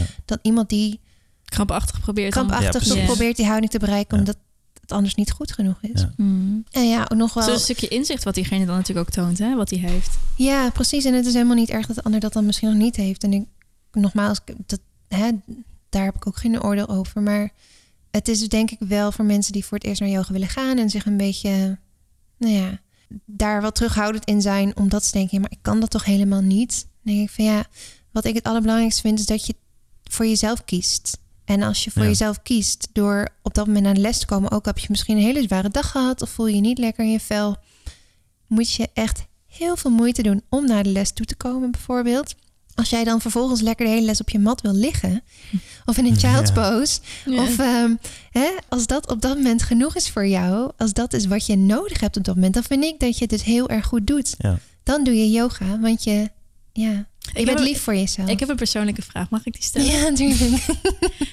Ik, ik, ik, ik vraag hem omdat ik zelf dit ook al heb meegemaakt. Dus voel je Mhm. niet zeg maar in het diepe geworpen. Heb je alles gehuild door yoga? Ja, heel Oh jee. vaak. En dat is heel normaal. Ja. Echt super normaal. Want waar we net over hadden, die nou ja, energie die je aanspreekt tijdens het doen van de houdingen. Dus de energie in je lichaam, zeg maar. Hè? Die kun je dus, nou, doordat je ze aanspreekt, kun je het ook loslaten of zo. Mhm. En we houden allemaal spanning en stress vast, uiteraard in onze schouders, maar ook heel erg in onze heupen. En omdat we bij yoga, yoga heel vaak heupopeners doen, ja, komt dat vrij. En er zijn, het komt zo vaak voor dat mensen daarna gewoon in huilen uitbarsten. Mm. En zelf ook geen idee hebben waar het vandaan komt. Mm. Maar Ja, dat, dat is bij mannen gezien. heel normaal ook. Ja? Ja, maar die, mooi. misschien dat ze het nog wat meer tegenhouden. Want ze Ja, denken, ja, wat is dit nou? Ja, ja. Dit, dit mag ik toch niet tonen nu? maar dat Misschien dat mannen ook sneller wat ben gewoon een beetje emotioneel worden, maar niet per se vrouwen die huilen vaak echt. Ja. Vrouwen kunnen misschien wel sneller huilen. Mannen ja. kunnen wel geraakt zijn in principe. Ik heb vanmorgen een foto doorgekregen, doorgestuurd gekregen van eh, nou, yogis waarmee ik in een groepsapp zit. En dat is een foto van een nieuwsbericht waarbij ze een poll hebben gehouden. Is huilen op het werk taboe? En dan Oh. zie je dus eh, nou ja, de statistieken daarvan. En eh, vervolgens de, het commentaar dus van degene die dat doorstuurde van nou, daar hebben wij geen last van, hè? Knipoog. Dus onder yogis, zeg maar, huilen op het werk is geen... Is geen als in, in de les en als je Ja, les geeft. ja, dat is ja. geen taboe, dat Ja. hoort erbij. Dat ik heb ook al docenten gehad inderdaad die, die gehuild hebben. Ja, ja. ook. En dat is totaal... Na het lesgeven? Eh, daarvoor. Omdat ze Mm. gewoon ook vertelde... Ze geeft altijd een inleiding met wat, wat er die dag voor haar Ja. Beduidingsvol is. En Mhm. vaak is dat heel goed. Maar dat is soms ook niet goed. Ja. En ehm, ik, vind dat, ik vind het een teken van openheid... Ja. dat je dat kunt laten zien, zeg maar. Dat je dat kunt tonen. En dat vind ik juist heel mooi. En, Ja, heb je het nu minder of meer? Of maakt het niet uit dan in het begin? Nee, dat maakt niet uit. Nee? Misschien zelfs meer omdat ze het meer Toelaat? toelaat. Ja, precies. Ja, Ja. ja. makes Het meer durft los te laten of zo. Ja. Mijn, mijn, En- mijn ene keer waarop ik zeg maar moest huilen van yoga was toen ik eh, me net had aangemeld bij Open Yoga, mijn allereerste les. Want dat was vorig jaar rond deze tijd toen ik echt op het dieptepunt van mijn overspannenheid zat, zeg maar. En ik had toevallig ook een verandering in werk en ik wist niet of ik helemaal geld ervoor had en zo. En toen dacht ik, ik voelde gewoon dat ik dit nodig had. En ik Mm. wilde dat ook zo lang al zo graag doen, gewoon naar een yoga studio gaan en gewoon altijd yoga kunnen volgen wanneer ik wilde. Dus ik had me aangemeld en ik ging naar de yoga en dat was voor mij ook een symbolisch teken naar mijn lichaam toe van ik doe dit echt voor jou, want jij hebt dit nu nodig, die Mhm. rust en zo. Ik, word, ik word er bijna nu alweer een beetje emotioneel van dat het zo betekenisvol voor mij was, zeg maar. En toen heb ik na de les ook gewoon gemerkt dat ik gewoon moest huilen, omdat die spanning eraf was van Hmm. ik mag dit voor mijn lichaam doen, zeg maar. Ja. Dus dat was wel echt. eh, en je mag ja. dit voelen. en Je mag alle emoties voelen. Ja, Ja. ja, en toen merkte ik eigenlijk pas hoe onder hoeveel stress mijn lichaam eigenlijk de hele tijd gestaan had. Wat ik toen pas door yoga dus merkte van wow, dit is wat ik al eerder had moeten doen. En yoga heeft mij heel goed door mijn eh overspannenheid heen geholpen. Mhm. Dat is wat yoga kan doen. Ja. Dat kan krachttraining in elk geval niet. Nee. Nee. Ja. ja, dat vind ik zelf ook het mooie aan yoga. Is je mag er gewoon zijn zoals je bent op dat moment. Hoe je je voelt. Alles mag er gewoon zijn. Er is niet iets wat je hoeft te verbergen of niet te tonen. Ja, Het mag er gewoon zijn. Ja. oké. I love that. Ik een mooie afsluiting. Ik denk het ook, ja. Ik denk dat we een beetje moeten gaan afronden. Jolijn, ik wil jou heel erg bedanken voor jouw mooie verhaal. En überhaupt het luisteren naar jouw Graag stem is al gewoon zen en ontspanning. Ik hoop dat onze luisteraars... Ik ga deze podcast nog een keer luisteren en dan ga ik er wat lekker op slapen, zeg maar. Ik hoop dat onze luisteraars het ook kunnen doen. Dat ze deze podcast kunnen aanzetten. Gewoon lekker op bed gaan liggen. Of weet ik veel, op een zondag gewoon lekker met een dekentje op de bank of zo. Ik heb nog één vraag die we willen stellen als afsluiting van onze guest podcast, zeg maar. Mhm. Die heeft niet zo heel zeer wat met yoga te maken, maar meer gewoon een afsluiting. En die we mee willen geven aan, eh, aan ons luisteraars, zeg maar.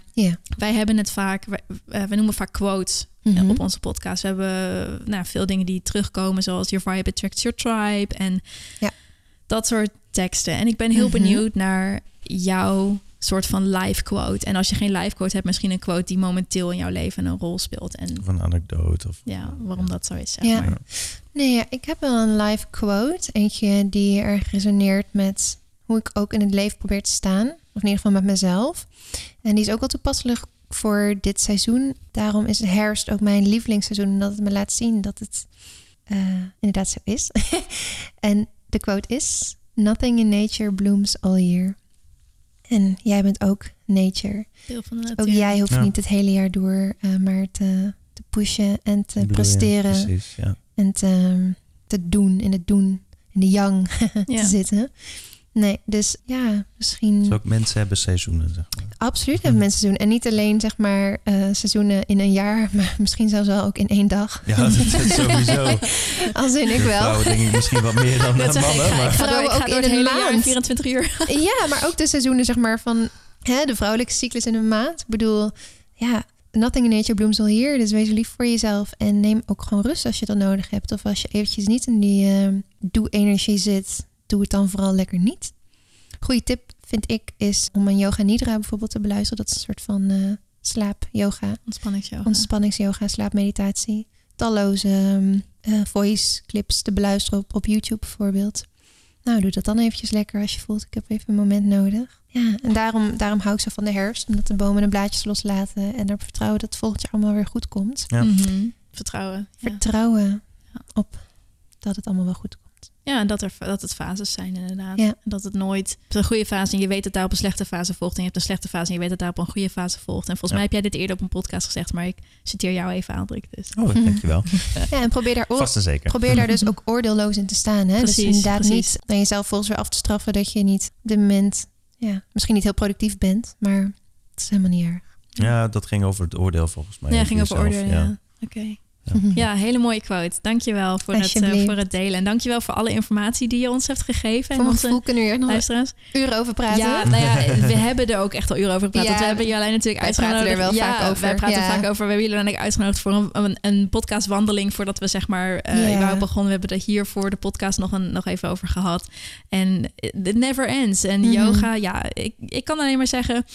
juist als je vooroordelen hebt tegenover yoga... juist als je denkt van, oh, yoga is niks voor mij...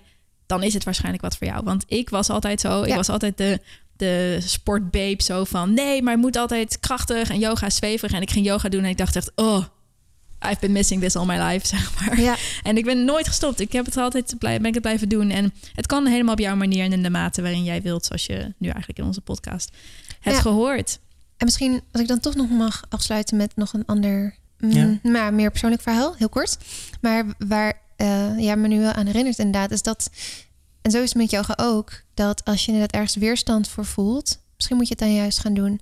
En zeker de houding die je het minst fijn vindt, die zou je eens wat vaker moeten doen, want die brengt je het meest. Die, leer, je- die leert jou het meest, zeg maar. Vaak komt die, Hey, dat is die de afweer... comfortzone. En Ja. zo vind ik, ja, Ja. dus en Die zo vind ik bijvoorbeeld, zo vind ik bijvoorbeeld de yin yoga best wel lastig, omdat je dan best wel lang met jezelf stil zit, ligt, eh, met je gedachten. En Hm.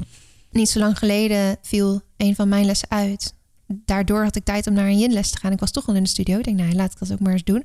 En dat is dus zo'n les waarna ik dan volgens echt in huilen uitbarst. Hmm. Omdat het op dat moment zoveel loslaat, wat losmaakt, wat ik helemaal niet Ja. had aanzien komen. Maar blijkbaar had ik dat wel nodig op dat moment.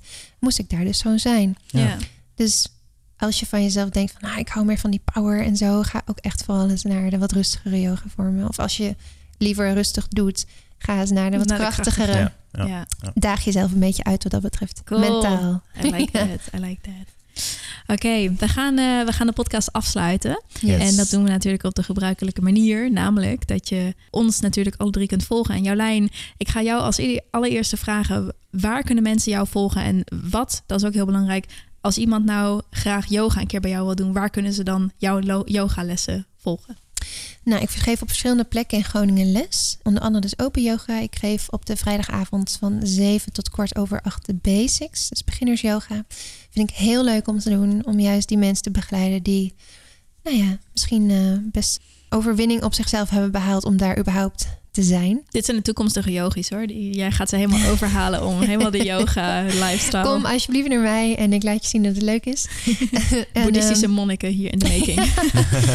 Op donderdagmiddag geef ik bij Open Yoga van kwart voor vier tot kwart voor vijf de yoga hour. Dat is een hele pittige, krachtige les. Uurtje maar, superleuk om Daar te doen. kom ik ook af en toe. Ja. Ik zag die al staan. Daar heb je dus de, dat word of the day waar je het net over had. Ja. En op woensdagavond geef ik les bij Crazy Works sportschool in de Ebbingenstraat. Ook een hele leuke les. En wat ik zelf organiseer samen met eh, yoga vriendin, een gewone vriendin Marianne Willems, is R&B yoga. En dat is een yoga les op R&B muziek. Lekker de oldschool nummers. Mhm. En meestal organiseren we dat in de Donnevans in Groningen met live DJ en helemaal leuk. Echt Superleuk event. ook als een evenement. Ja, met de vriendinnengroep of zo. Echt heel erg leuk. En en dat is dus ook maar om aan te geven, yoga hoeft niet zweverig te zijn. Het kan ook heel goed met, nou ja, hele aardse, tussen haakjes, dingen gecombineerd worden. Als dus gewoon lekker gewoon de muziek, omdat je dat leuk vindt. Hè? De combi is misschien niet heel erg voor de hand liggend, maar waarom ook niet? Ja. Dus dat wil ik ook zeker meegeven. Oké, en waar, waar kunnen mensen jou Oh ja, eh, volgen of contacten, zeg maar? Ja, wij zijn, wij Nou zijn hier ja. de, de Instagram, eh Instagram Yoga. ja jolijnyoga.com. Nee hoor. nou ja, goed. Ik heb natuurlijk gewoon mijn persoonlijke Instagram-account. Maar daar zul je niet zoveel van dit soort dingen op vinden. Maar je kan mij en Marianne volgen op RNB Yoga NL. Eh RNB is de nummer, of nee, het letter, de letter. Wacht, overnieuw. Ja. Je kan eh, mij en Marianne volgen op RNB Yoga NL. Eh, Op zowel, at, at R&B yoga, denk ik toch? Voor de Instagram. Ja, het R&B Yoga NL. Mhm. Inderdaad, Instagram en Facebook. En R&B Yoga spel je R-N, de letter N en ja, B. ja. Dus niet Ja. het N-teken, maar gewoon Ja. de letter N. R-N-B Yoga NL. En eh, nou, dan zul je Ja. ook zeker daar de agenda zien eh, wanneer wij weer events hebben. Leuk. Ja, I love it. Dan kom ik ook weer. ik zie jullie graag op de mat allemaal. Yes. Ja, ik moet nog eh, binnenkort even langskomen. Jij gaat ook mee, precies. Ja, ik Ja, kom ik hier naar de les, Adrik. Hartstikke leuk. leuk. Ons kun je natuurlijk volgen op... De Healthy Chats. Oh, ik dacht dat je je eigen zou zeggen. Oh. Het is trouwens de Healthy Chats podcast. Ja, ja, ja. Maar bij de Healthy Chats Hoe vaak kom jij op ons Healthy Chats kanaal? Eh, gewoon, Altijd als ik jou tag zeker. ja, precies. ja, maar dit is wat jij leuk vindt, zeg maar, om, eh, om bij te precies. houden. Ja, ben eh, iets ik ben social. ja, precies. Ik ben van de, van de sociale kanalen en alles Exact, van de, van de podcastapparatuur. Ja. In elk geval, je kunt ons volgen op The Healthy Chats podcast. En je kunt Aldrik volgen op Aldrik B. Aldrik B. En je kunt mij volgen natuurlijk op Plentiful Plan. En nog een keer de yoga van eh, Jolijn en Marianne op R&B Yoga NL. Zeg ik het goed? Ja, het R&B Yoga NL. En mijzelf op het Jolijn Schram. Maar ik denk dat mijn naam wel ergens... eh, Ja, ik In de link komt te Jij staan. komt inderdaad, eh, jij wordt zeker verlinkt. Oké, we gaan deze... verlinkt nog wel. Ja, natuurlijk. Wij gaan, wij gaan deze podcast... ehm, ja, zeg maar. Nee, ik bedenk me net, moet ook nog vermelden misschien dat ik cats en yoga geef, les geef. Wat is dat? Yoga in het kattencafé met Oh, katten. leuk. Oh my god. Laten dat we is dat echt heel doen. leuk. Het bijna het allerleukste. Ja. Vergeet ik nog gewoon. Oké, oh my god, ja, kattenyoga. Maar dat, Ja, kattenyoga. ik- Vinden die katten dat leuk? Heel leuk. Oké, dan, dan wil ik het wel. Ja, ik was een beetje bang dat die Ja, katten het dat misschien niet zo leuk vinden. Dat ze het misschien een beetje te druk vinden. Maar Nee, joh, ze worden er hartstikke rustig van. Het is eigenlijk het allerleukste als ze een beetje actief zijn en over die matten helemaal rennen. Maar dat gaat, doen ze helemaal, bijna nooit. gaat helemaal stukje. Ze worden zo rustig van al die ontspannen mensen daar in die Oh, ruimte. Aldrik, zullen we Dat voor heel verjaardag goed. naar kattenyoga gaan? Eh, Ja. nee, je krijgt een hondje. Maar ik, Nou, nee. we- Oh, nee, dat ze nog niet weten. krijgt- wat? Dat is nog een verrassing. Krijg je een hondje van je Nee, je krijgt geen hondje. We gaan kijken. We gaan naar... Oké, laten we dit voor de volgende Ja, mag ik podcast... mee dan? Je mag mee. Voor mij betreft mag je mee. oh my god. Oké. Oké. Goed, we gaan afsluiten.